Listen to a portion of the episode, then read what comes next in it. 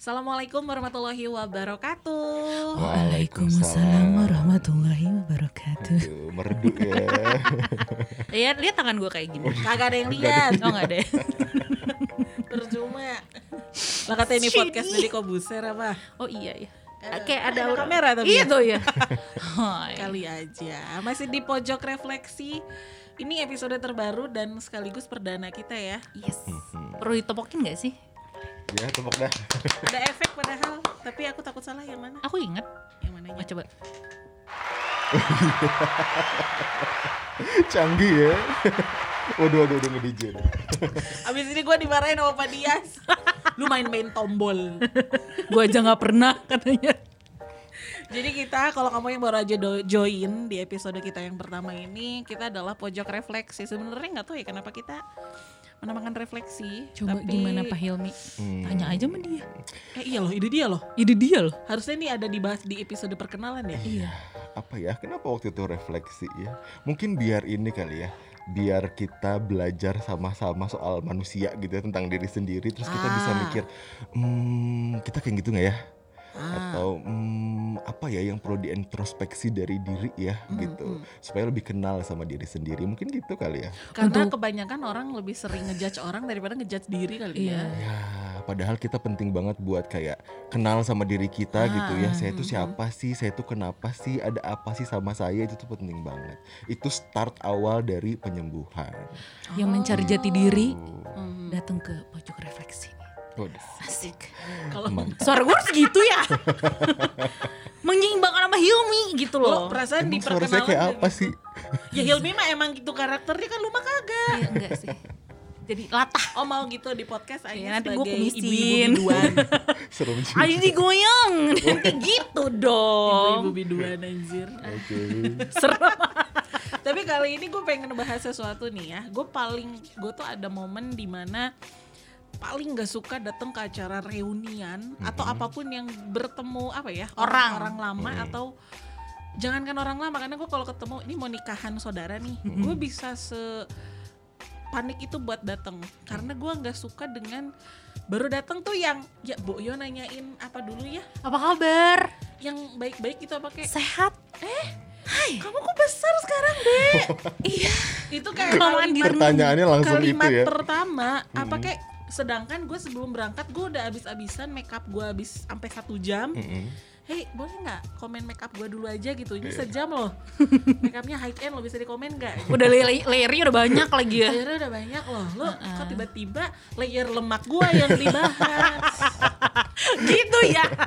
asli dan ternyata tuh happen Sangat basa-basi. happen Itu jadi budaya nggak sih? Mm. Kayaknya kalau kalau nggak ada pembahasan, eh kamu kok kurusan, Mm-mm. kamu Kayak- kok kayak iteman, topik gitu loh Heet, itu tuh kayak bukan akrab aja, kayak nggak akrab. Jadi Kayak- kesannya kalimat itu tuh kalimat akrab.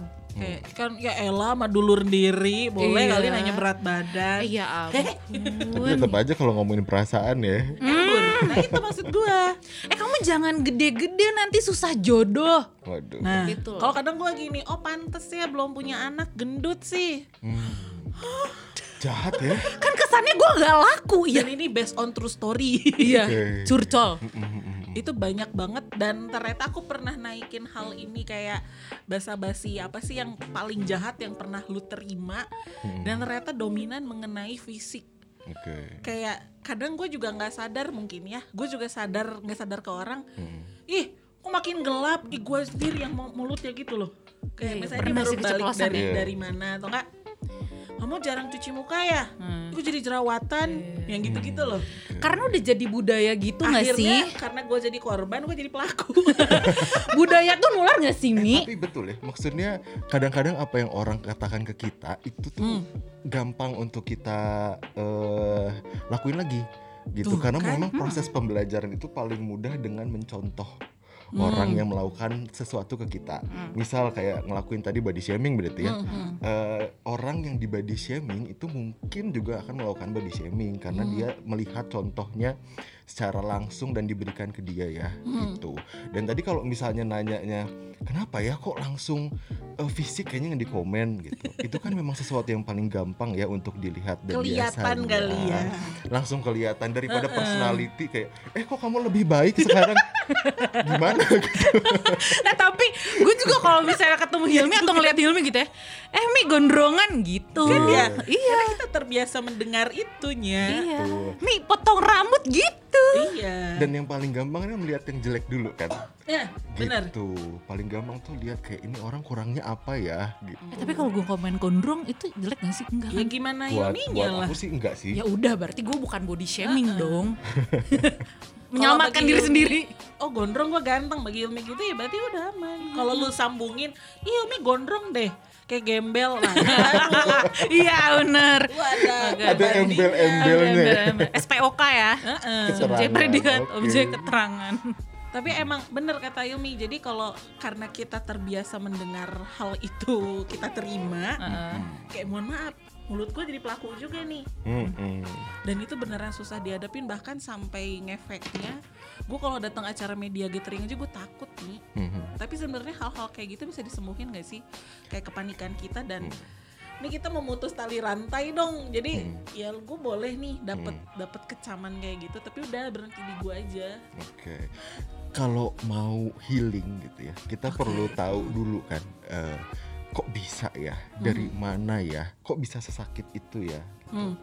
Nah, eh, kita bisa bahas dari eh, gini. Ketika kita dikasih body shaming dari orang gitu ya, mungkin kita dikatain gendut misalnya gitu, atau kok eh, jerawatan sekarang misalnya gitu. Kita melihat bahwa oh iya ya, tubuh saya tuh jelek, banyak kurangnya misalnya gitu. Padahal itu kan eh, norma yang dibentuk sama masyarakat ya, gitu. Eh itu masyarakat semua yang bikin. Nah, eh, nanti ke mana-mana, kita kan ke mana-mana bawa badan kita ya. Hmm. Kita ke mana-mana bawa tubuh kita yang menurut orang lain orang itu gitu ya, itu buruk. Dan manusia itu adalah eh, makhluk yang paling Seksi bukan Bulan Amin. Jamila. manusia tuh ini eh, apa mudah untuk menggeneralisasi sesuatu.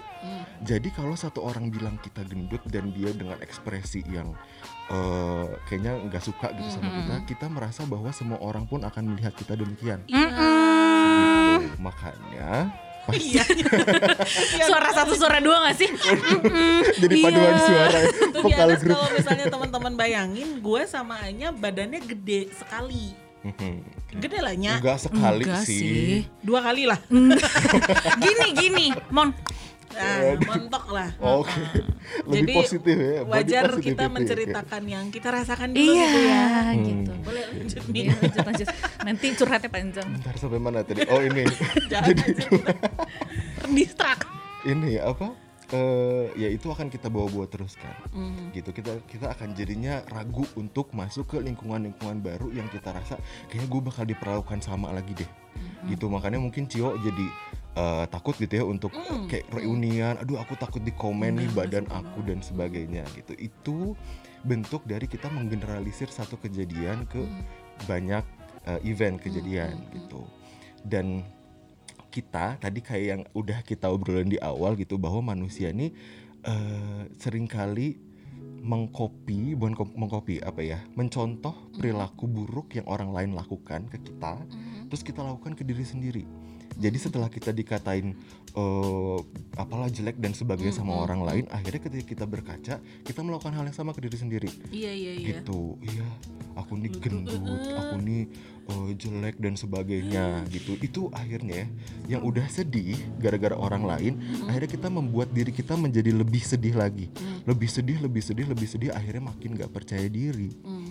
Gitu. Makanya kita perlu tahu dulu prosesnya tuh sebetulnya kayak gitu. Dan selama kita masih melihat bahwa diri kita buruk Hmm. itu akan terus-terusan menyakitkan. Hmm. gitu. Jadi yang kalau misalnya mau healing kita perlu ubah dulu mindset kita soal tubuh kita. Hmm. gitu. Kita melihat secara lebih objektif. Bukan berarti kita jadinya berperilaku secara nggak sehat ya kayak makan terus misalnya gitu. Seringnya jeleknya begitu. Ah, Stres terus akhirnya gue pusing deh gue makan aja dah Nah, gue ada kan beberapa orang yang kalau stres larinya ke makan kan mie Iya. ya banyak Iya gitu. kan entah itu tuh nyalahin stres entah emang demen makan gitu kan Iya itu memang makan nih memang menjadi salah satu hal yang bisa menenangkan tapi kalau terlalu banyak justru malah Iya, membuat tubuh kita teh jadi sakit gitu loh. iya sebenarnya Mm-mm. kayak pembelaan aja lo kenapa sih banyak makan oh gue stres gue makan aja dah Mm-mm. Tapi itu jadinya kerekam sama bawah alam sadar nggak sih? Ya. Iya nggak sih? Itu yang membuat kita jadinya berperilaku sama dengan orang yang ngatain gitu. Hmm. Gini, eh, di psikologi itu ada yang namanya fase oral. Fase oral. eh? Oh, duh, duh, duh, duh. Ke mana-mana nih pikirannya. Aku aku masih Oh, aduh, tahu. aduh, aduh. Aku, karena di sini Hilmi yang belum nikah ya Eh pak gue udah. Hanya juga. Aku kan single ladies. oh iya nya baru gua I'm a doang. single ladies. I'm a tapi hanya sudah cukup dewasa untuk memahami itu Mm-mm. Pokoknya Jadi di sini ada dua jomblo ya. Mohon Oh, iya. perhatikan. yang Anya dan Hilmi jomblo ya Iya. alhamdulillah Alhamdulillah. Boleh tadi Gitu. oral itu gimana mi Eh, sederhananya itu tuh fase di mana kita menyusui kepada ibu kita. Oke. Dan waktu bayi kan kalau misalnya kita eh, merasa gelisah, Hmm. kita akan diberikan susu ya ah, oleh ibu I see, kita I gitu. see. Sehingga itu masuk ke alam bawah sadar dan akhirnya ketika kita merasa tidak nyaman juga, Hmm. akhirnya kita akan mencari sesuatu untuk dimasukkan ke mulut, makan, Hmm. merokok. Merokok juga jadi salah satu bentuk mencari kenyamanan. Kadang bisa kayak gitu. Jadi kalau lo punya anak nanti jangan dikasih makan, lo kan kasih buku. Enggak kayak gitu juga. kurang beres susu Buku. didinya, didinya depresinya kurang mau beres susu kayak gue kasih buku jangan biar dicontoh intelek. jangan dicontoh ya sahabat Nah, tapi jangan gitu juga karena bahaya juga kalau nggak dikasih. Iya, iya, bener-bener eh, nggak nggak ada itu tuh kan sebenarnya ketika menyusui itu proses bonding Iya. gitu. Anak mendapatkan kenyamanan dari eh, mendapatkan susu kedekatan eh, skin to skin sama ibu Iya, iya, gitu loh. iya. Kalau nggak ada itu itu bisa jadi nggak bagus juga buat perkembangan bayi, buat perkembangan anak. Pantesan gue deketnya sama sapi. Waduh, Gue juga Oh, mau nyusu sapi. langsung dari sapi apa gimana tuh? atah-atah Iya, aku anak sapi. Bondingnya salah. Gitu. Ininya Oke. Jadi gue kalau nangis, "Ma." gitu. tapi make sense juga sih setelah gue pikir iya juga ya kenapa comfortnya kita tuh makan ya karena udah sedari bayi Seru kan belajar psikologi ya? Eh, eh, Yang namanya Gua manusia itu nggak kuliahnya, ini, yang namanya manusia itu nggak akan pernah berakhir sih. Pasti ada aja yang pigi baheun nama. Tapi kita bergibah dengan data ya, Iya. dengan Nah, fakta. ya, that's why Gibah in the good ways. On the good ways. Ya nggak sih? Kalau gibah kita kan belang betong. Tapi gini, aku mau nanyain yang tadi eh, soal apa sih omongan negatif tuh menular segala macam. Akhirnya bikin gue trauma buat datang ke satu tempat karena takut dapet judgement yang sama kayak orang-orang sebelumnya. Nah akhirnya ada orang yang dia berhasil menumbuhkan, oke gue akan berubah. Gue biar nggak dihina gue berubah. Tapi banyak juga yang akhirnya enggak kenapa bisa ada dua kubu ini tuh kayak ini orang belum nemu kliknya tuh gimana sih Hmm, Inilah complicatednya manusia. Jadi satu oke. stimulus atau satu kejadian itu bisa berimpact beda. Hmm. Ada yang satu jadi olahraga gitu ya, terus untuk demi mendapatkan tubuh yang dia rasa ideal. gitu. Ada yang justru jadi merasa kalau ya udahlah gue emang udah kayak gini, ya udah deh akhirnya terusin tuh aja. udah gue gitu. ngurung-ngurung di rumah Mm-mm. lu malah enjoy dengan pizza hutnya lu dengan order-order makanan tapi di sana ada juga yang gue mau lari Hmm. tapi sebenarnya itu bisa diubah gak sih maksudnya dari Bisa. yang dia terpuruk ya Bisa. Jadi kenapa bisa beda kayak gitu? Kita perlu lihat juga eh, kayak gimana biasanya dia hidup, terus kayak Oh. eh, kejadian-kejadian apa yang dia alami gitu. Mungkin yang satu punya eh, dia menghadapi kejadian-kejadian dia di mana dia ketika dikritik dia harus berubah. Gitu. Ada lagi yang satu lagi dia merasa putus asa mungkin gitu. Sehingga jadinya justru melakukan eh, apa ya kebiasaan-kebiasaan yang destruktif yang merusak diri sendiri gitu. Bantesan beda-beda ya orang-orang ya. Beda. Nah sayangnya gue semakin dihina semakin Jadi. Karena ada loh orang-orang yang yang segampang itu dia mendapatkan motivasi hidup. Gue gara-gara misalnya nih gara-gara saya gara-gara diputusin pacar karena alasan gendut, gue diet dan berhasil menurunkan berapa kilo kan kalau kita lihat before after diet. Mm-mm. Kok ada orang bisa berhasil gitu ya? Cinta. Gue sampai umur segini kayak belum motivasi gue apa ya? Cinta Cio. Nah, ini juga bisa beda motivasinya. Ah, ah. Bisa jadi motivasinya adalah karena dendam. Oh, oh bukan cinta artian, ya? Gini, bisa jadi dendam karena dia pengen menunjukkan kalau gue bisa. Ah. Satu itu. Oh. Yang satu lagi ada yang namanya self compassion. Jadi dia menyayangi diri sehingga dia merasa bahwa oke, eh, saya berubah bukan buat orang lain, tapi saya merasa bahwa kalau kehidupan saya terus seperti ini nggak sehat. Hmm. Gitu saya pengen hidup lebih lama, hidup lebih produktif, lebih aktif, gitu sehingga saya mau berubah. Gitu. Itu Harusnya gue self compassion kali ya. Iya. Lah gue dendam sama siapa juga lagi. Ya, ya, kok ya. jadi ada? Jadi mohon maaf ya pendengar itu bukan suara mistis tapi Anya yang horor. Jangan ya? sampai pojok refleksi jadi pojok horor. Udah ada itu. Tiba-tiba arahnya. gue speechless juga kenapa gue tiba-tiba Si kepikir. Cio sampai buka. Gue paling takut senandung begituan emang. Oh, senandung. gitu. Senandung. Tuh kan orang tuh bisa beda-beda. Saya malah suka yang kayak gitu. Seriusan. Iya, sinden-sinden yang rada serem-serem gitu. Jadi gue tuh tadi menerusin tapi gimana gitu. Lu tadi mau nyanyi apa? Lu ngomong sama kita. Ada lah, gak tau kenapa dulu gue tuh eh, gak suka sama yang namanya gamelan yang kayak gitu-gitu. Tapi sekarang jadi seneng. Nah itu kali pengaruh kali ya. Karena gue merasa udah ngerasa damai sama diri sendiri, Ah. udah ngerasa tenang. Jadi orang mau bilang gue gendut atau orang mau bilang gue misalnya udah koknya pas badan segitu atau misalnya udah koknya eh, apa namanya jangan dikurusin lagi atau bahkan sebaliknya Lu udah self love. ya udah ah, ya udah gue udah ya udah kalaupun gue harus diet itu karena memang gue pengen ngebenerin pola makan aja pengen sehat aja bukan karena untuk memuaskan mata siapa gitu enggak Nah itu eh, rasa sayang sama diri sendiri itu bisa membuat kita jadinya melihat sesuatu secara lebih objektif. Jadi ketika nanti orang lain mengkritik kita tajam gitu ya, ih gendut loh gitu misalnya kayak gitu, kita akan lebih terlindungi dari perasaan sakit gitu karena kita bisa melihat sesuatu secara lebih objektif.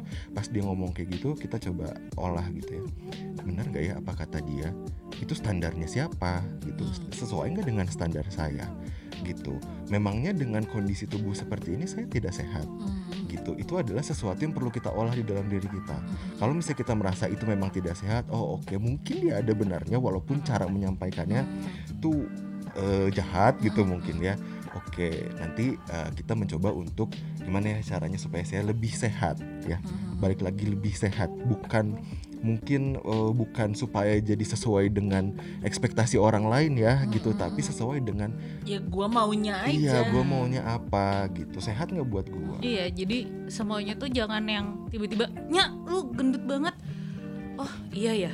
Terus gue yang ayo dalam gak apa-apa gitu. Segini segini mah nggak apa-apa gitu. Nyaman-nyaman aja lagian juga gimana ya kalau gue sekarang lebih pengen ngembangin personality aja Ah. gitu jadi Biar orang-orang fokus mengenal lu tuh dari personality Iya. not just physically. karena kan gue ada mental health disorder gitu Iya. ah. dan gue pengen menguatkan diri gue dong gitu I see, I Dan, see. nah, jadi kayak gue nggak gue nggak mau lemah gue harus kuat gitu. Nah ini jadi salah satu ini, salah satu cara yang juga bagus banget ya untuk dilakukan gitu. Dengan kita tahu eh, strength kita tuh apa sih, kekuatan kita tuh di mana sih, apa yang bisa kita kembangkan. Kan sebetulnya beauty itu nggak cuma dari tubuh ya, gitu. Dari kita berperilaku juga ya percuma kalau misalnya tubuhnya sesuai dengan standar normatif, tapi ketika berperilaku justru menyakiti orang lain gitu, orang-orang jadi nggak bener. suka gitu. Tapi masalahnya untuk cewek ya, gue nggak ngerti. Cewek itu selalu overthinking dan insecure lebih ke fisik duluan daripada mulut lambenya. Kalau gue boleh jujur ya, kayak better gue better gue hidup rumah. Misalnya kalau cewek gue lihat ya nggak apa-apa deh gue dari sini berangkat naik angkot. Yang penting gue appearance ketika gue ketemu orang gue masih good looking gitu. Hmm. makanya banyak gue nggak menyamaratakan semua cewek kayak gitu ya. Cuman kebanyakan beneran totally fisik duluan. Oke. dari yang curhat ke gua di DM dari jadi selalu kayak misalnya ada yang curhat di DM tuh gara-gara dia mutusin gua gini gini gini kayaknya gara-gara gua lebih jelek deh daripada ceweknya sekarang yang itu tuh banyak banget nih iya. yang cerita ke gua tuh yang rata-rata anak-anak SMA dan kuliah maksudnya kok udah gini banget ya Hmm. balahan sempet eh, ada yang akhirnya karena dia merasa jelek dia ngebully cewek-cewek yang cantik walau lu pernah denger lu ada tiktokers yang Iya. Itu pernah gue alamin sih sebenarnya. Iya kayak Oke. maksudnya apakah berarti kan self defense dia gue jelek nih jadi lu ngelawan yang cantik sampai segala macam terus kayak kok sampai kayak Kayak gini ada ya? trauma. Itu tuh ada trauma kalau gue lebih pribadi. ke fisik terus Pengalaman gue tuh trauma. Karena gue Ah. dulu pernah ditindas sama cewek-cewek yang ya mungkin kalau misalnya banyakan orang bilang itu cantik lah ya, perfect lah ya Ah, gitu. ah. Akhirnya gue kalau ngeliat cewek-cewek kayak gitu, gue tuh marah gitu. gitu oh benci banget nah itu dulu tapi ke sini ke sini gue mikir gini ngapain gue risih sama mereka gitu? Yang terpenting tuh ketika gue nyaman sama diri gue sendiri Uh-huh. in the positive way ya ways ya. Jadi gak yang terlalu nyaman akhirnya kebablasan tapi gue harus bisa nyaman sama diri gue sendiri. Apa yang orang lihat juga akan bagus-bagus aja menurut gue mah. Yang penting gue nyaman gitu. Even kalau misalnya gue ke kantor nih terus gue cuma pakai sendal terus celana tidur ya gue nyaman gitu. Tapi orang ngeliat ke gue ya fine fine aja tapi yang penting nggak yang gembel-gembel banget lah. Tapi sering banget fisik dibanding bandingin sih. Iya yang nggak usah nggak usah lihat kita lah yang kayak kemarin yang baru cerai terus nikah lagi. Ya elah mendingan mantannya kali. Iya. gitu, gitu loh. Maksudnya kayak kayak emang entah stereotip Kitanya sih yang harus kuat. kitanya. Yang Kalau kata gue sih nggak tahu itu kata ini. yang jelek ngebully yang cantik itu gue kaget. Gara-gara cowoknya suka kepoin. Jadi Iya. "Cih, sampai dibully sampai ditutup sama tiktoknya. Itu ada hubungannya juga sama mungkin beberapa culture ya. Mungkin gak semua culture tapi beberapa. Di mana mungkin eh, perempuan itu eh, sering kali dianggap sebagai objek. Oh oke. Gitu. Yang dilihat duluan adalah fisiknya. Beda sama laki-laki pada beberapa budaya laki-laki yang dilihatnya adalah money power glory Iya. gitu. Ya Se- harta harga dan diri. tahta. Ya, gitu kan ya gitu. Nah ya, itu akan berbeda gitu loh. Jadinya kalau cowok Mhm. itu insecure-nya sama hal-hal yang kayak gitu biasanya. Mhm. dia cowok tuh biasanya lebih insecure sama eh, kesuksesan Mhm. dibandingkan dengan fisik. Mhm. kalau cewek itu lebih lebih insecure dengan fisiknya. Karena itu memang sesuatu yang dibentuk oleh budaya. Gitu. Mhm. Sih. Ya. berarti emang bahasa basi itu kena mental banget ya? Lah iyalah be. Jadi kalau misalnya kita sekarang mau ketemu sama orang pun harus rajin-rajin belajar juga gitu. Kira-kira nih orang bakal nerima apa enggak gitu. keluhan ini tuh seringnya muncul di cewek. Kalau- cowok sering gak sih kayak body shaming terus dia nggak mau gaul lagi gitu? Ada nggak sih cowok-cowok keluhan begitu? Ada. Cowok juga ada yang kayak gitu ya. Ah. gitu. Cuma memang mungkin eh, presentasinya lebih banyak cewek kalau tentang body ya Ah. gitu. kalau cowok tadi lebih ke kayak eh, kesuksesannya. Kayak ditanya lu udah gawe di mana? Yang gitu nah gitu itu ya. yang paling bikin insecure Ah, biasanya. mungkin cewek tuh karena makhluk yang visual. Maksud gue kayak identik dengan keindahan ya. Ya budaya tadi Umi Iya. bilang. Dan juga kan budayanya cowok tuh nge-carry ya. Maksudnya budayanya Iya, tuh adalah nanti perempuan ngikut Iya. katanya gitu kan gitu. Jadi cowok yang harus nyari duit dan sebagainya. Sehingga itu yang membuat insecure. Bener-bener. makanya katanya ada jokes eh, kecemasan perempuan katanya hilang ketika menikah. Mhm. kecemasan laki-laki mulai ketika setelah menikah. Iya iya gitu benar karena benar ada ada satu orang yang pada akhirnya harus dia hidupi dan sebagainya. Iya iya benar itu kan sebenarnya dibentuk budaya karena nggak Iya. semua kayak gitu Iya. gitu. Setahu aku ya cuma aku lupa gitu ya tapi kalau misalnya di eh, Papua Nugini Hmm? perempuan yang lebih eh, ini yang lebih eh, dominan dalam Iya, iya, hal iya. Di eh, barat juga sih, mm. Sumatera kan juga gitu oh ya. iya Iya kan? Perempuan yang ngomongin Sumatera aku langsung aduh kenapa nih ada apa nggak dengan tahu, Sumatera? saya juga nggak tahu. enggak aku juga nggak apa-apa suka makan padang aja Jujur saya nggak enggak tahu. saya juga nggak apa-apa cuma kejeduk aja Cuma seinget gua kalau Padang gitu ya, ceweknya yang harus ada ada keharusan seperti itu ya. Tapi Oh, balik lagi gimana salah. keluarga Meren maternal kan ya di MM. Padang kan Iya. kalau itu tapi Mm-mm. gitu. Ya makanya beda-beda sih. beda-beda Tapi maksudnya gue mah masih masih yang gak habis pikir kalau misalnya eh gue kalau baca komen-komen netizen baik itu di TikTok, baik itu di Insta, ya maksudnya di berbagai platform Hmm. Selalu yang di komen tuh fisik duluan sih emang. tapi gue tuh bersyukur tau sebenarnya gue adalah salah satu orang yang sapioseksual. Apa sih itu? gue. Jadi gue tuh menilai orang bukan dari fisiknya, tapi dari personality sama kecerdasannya gitu. Kecerdasan.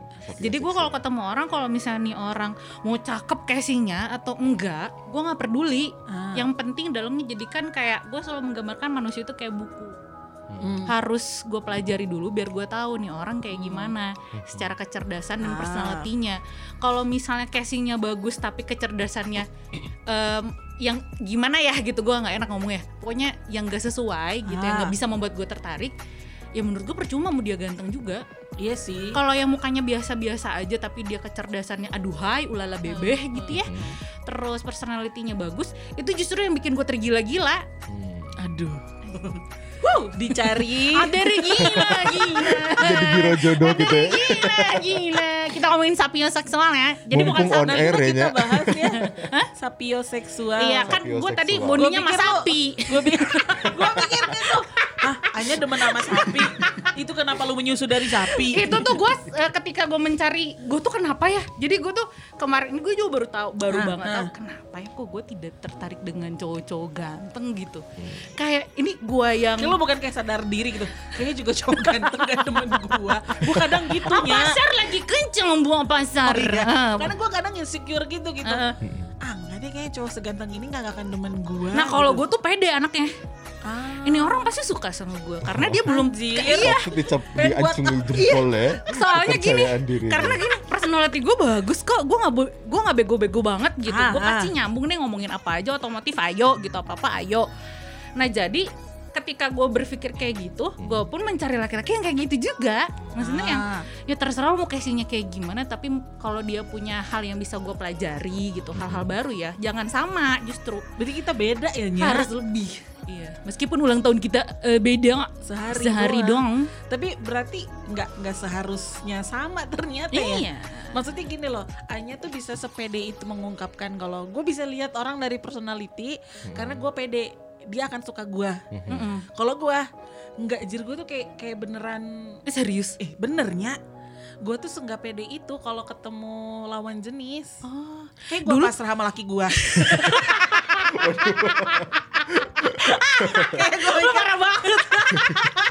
ya gue mah dia aja deh gitu. kalau gua gua aja waktu itu curhat sama Mimi ada yang mau sama gua nih gitu gitu ganteng banget mana kata dia gitu dia kagak percaya nih gue liatin emang ganteng Kayaknya gue bisa bu- bisa Waduh. ninggalin nih cowok ganteng kalau emang dia suka sama gue nih. Iya. Gue bisa baik karena gue kayak udah insecure duluan gitu. Mi kayak kayaknya gak deh kayak gue penuh batin deh kalau sama dia gitu That's loh. why kita tuh harus nyaman sama diri sendiri. Kita harus tahu ya kata Hilmi tadi bilang kita harus tahu kekuatan kita, kelemahan kita. Jadinya kalau misalnya ketemu sama orang kita nggak insecure beb. Dan kalau misalnya kita akhirnya ditinggal gitu ya karena fisik kita, mungkin dia memang bukan jodoh kita. Iya. Dan Gini. gak level, Anjir. gak level aja sih. Kalau gue mikirnya. Dan gini loh, eh apa? Kok kalian hebat sih? Tepuk tanganin nggak? Tepuk tanganin nggak? oh iya, tepuk tangan.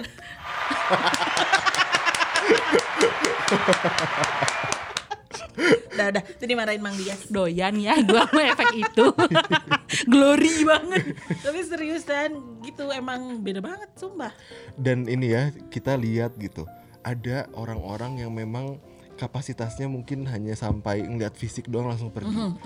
Tapi kan untuk mengetahui personality dan kemampuan kita yang lain itu butuh waktu dan butuh kesabaran. Gitu. Nah, ketika orang itu memang sudah sampai sana di mana dia melihat kelebihan dan kekurangan kita dan dia menerima, nah itu jodoh kita gitu. Dan mungkin membantu kita untuk lebih baik ya gitu Iya. tentunya. Eh tapi kalau gue pribadi ya masalah jodoh, meskipun gue sapioseksual dan suka dengan kecerdasan, denger seksual tuh sapi-sapi Enggak. loh. meskipun gue seneng dengan kecerdasan dan intelektual seseorang, tapi gue jauh lebih me- lebih ingin mencintai orang itu dari kekurangannya dulu. Ah. Biar kekurangannya dulu gue tahu gitu semuanya sampai emak gitu. eh. Kira-kira gue bisa cinta, tetap cinta nggak sama dia. Kalau gue masih tetap cinta sama dia, ya udah gue pacarin gitu. Tapi Oh kalau belum nikahin masih Iya, pacarin. jangan lah nanti dulu panjang panjang kalau menuju nikah. Nah kalau masalah kebi- kelebihan kan siapa sih orang yang nggak suka kelebihan? Ah. Iya nggak sih? banyak nih lemak. Ngoyong. eh. Jadi siapa orang yang nggak suka kelebihan kayak kebaikan, kesabaran gitu kan, Ah. dermawan lalalala gitu kan. Misalnya Ah. pendidikannya gimana, eh, secara ekonomi kayak gimana gitu itu semua orang pasti bisa nerima itu pasti banget tapi ketika orang itu kentut sembarangan Ah. ketika orang itu misalnya jorok ketika orang itu misalnya cuek sama kita dia sibuk dengan pekerjaannya apakah masih bisa nerima Iya benar. gitu Ya. Abah I love you Abah. ya makanya Karena gue mencari cuman dia doang laki yang menerima gue boker buka pintu. Kenapa takut apa gimana? Gak tahu dari dulu. Kalau gue nih kalau gue lucunya gini gue paling suka sama cowok yang jarang WhatsApp ah iya benar. gue nggak suka justru sering dichattingin gue lebih suka Iya. quality daripada quantity daripada lu udah makan belum anjir Waduh. basa basi busuk apa gue manusia gitu loh gue kalau lapar bisa makan Ini Anya ngegas kenapa nih Mi? Ini lagi berapi-api kayaknya. Sedang bersemangat Lagi ingin manik. mendapatkan jodoh baru enggak kayaknya. sih enggak sih tapi emang kayak gitu maksud gue kan basa basinya tuh kayak terlalu template banget Kayak gini loh, Be. Kayak lagi umur-umur kayak kita udah enggak juga kali nanya Iya. yang udah makan belum? Lebih ke deep lo, conversation nggak 12 sih? Siang gua kagak lapar gitu Deep kan. conversation gak sih kan jadinya Iya, bener, harusnya bener. kan kayak kita Udah ngomongin tentang napas hidup belum? Iya, hidup makin susah ya. Iya. Hidup makin susah. Jadi kayak upil kamu udah kayak kering belum gitu apa. Itu pertanyaan apa itu? kan biar Udah gak sama Iya. Kemudian Ning Nah, ntar, ntar, gue gak mau ngomongin jodoh ntar misalnya gue jualan lagi di sini, aduh. Ya kan kalau sih. dapet ya Mi Iya, ya, sambil kita doakan. minum air. Iya kan ya, nggak apa-apa. tapi nggak apa-apa sih. Tapi gue pengen Banyak ngasih kok dari podcast ketemu jodoh. Oh iya, uh, Nah, Kayak radio-radio gitu kan juga kan Iya. ketemu jodoh. gue kan. pengen gini aja sih sebenarnya pengen sharing soal point of view gue terhadap jodoh, eh maksudnya terhadap cinta gitu loh, Hmm. terhadap hubungan sebenarnya nggak mesti yang gimana sih yang makan udah apa belum diantar jemput segala macam lalalala gitu mungkin karena gue independent woman kali ya jadi kayak Hmm. Anjir. jadi tuh. cerok ay. Iya jadi kayaknya ya emang menurut gue kalau yang terlalu ketergantungan gitu nggak suka aja. Beda-beda lagi. Beda-beda juga. lagi. Karena kayaknya kan tipikal, makanya lu berani mengekspresikan gue di body shaming bodo amat. Hmm, Gue punya kelebihan personality. hmm. Gue memang Jadi makin pede tuh gak sih? Eh, eh, malah ah, bodo amat jir gue dihina bina gue gendut segala macam Ah, bodo amat ah. gitu karena gue punya personality yang oke Lo tau gak sih sombongnya gue apa? Kalau misalnya kayak lihat ada beauty class gitu kan ceweknya cucuk-cucuk ya. Gue jalan di tengah-tengah mereka gue gini dong. Kayak Gimana tuh? gue tuh lebih dari kalian gitu loh. Kayak, lenggok lenggok Hmm, gitu. Gue tuh nggak lo, gue punya apa yang nggak kalian punya gitu. Kayak hmm, bisa gitu ya sepede itu gue Nah, sekarang. hal yang bikin Anya dan aku berbeda itu emang biasanya dari pengalaman kita Mm-mm. atau histori hidup. Iya. Keser lebih lebih bandingnya lebih banyak itu ya. Iya, jadi gimana kita memproses kejadian gitu dan waktu itu sebetulnya outputnya apa? Ah, gitu. Misal mungkin eh Anya punya pengalaman di mana mungkin dia dikritik dan sebagainya tapi ah. setelah itu dia berpikir bahwa oke itu tidak sepenuhnya benar dan eh, saya harus tetap percaya diri gitu. Dan ketika dia percaya diri itu membantu dia untuk survive dalam hidup. Hmm, gitu. hmm, mungkin beda lagi dengan orang lain yang mungkin ketika dikritik justru malah jadi ciut gitu ya atau jadi hmm, hmm. mundur gitu rasanya gitu.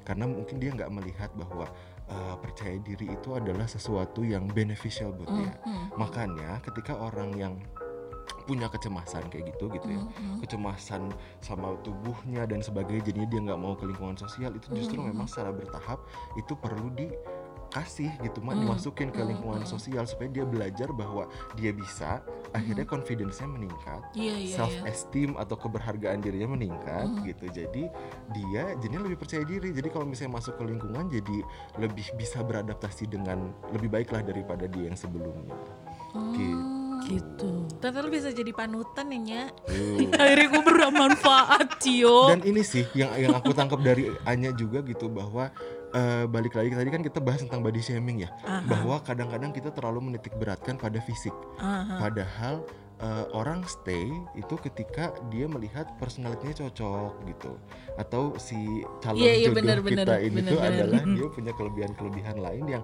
cocok buat kita gitu Tetap kok yang bikin stay itu adalah bukan fisik tapi Bukan. personality ya. karena lama-lama badan mah ya Iya, iya, gitu weh benar. gitu kan Lama-lama kita bakal kering. dimakan Kurangin belatung. ya, nak. Lama-lama kita bakal dimakan sama belatung. Iya benar iya benar. betul. Liang lahat gue tebut namanya sekarang.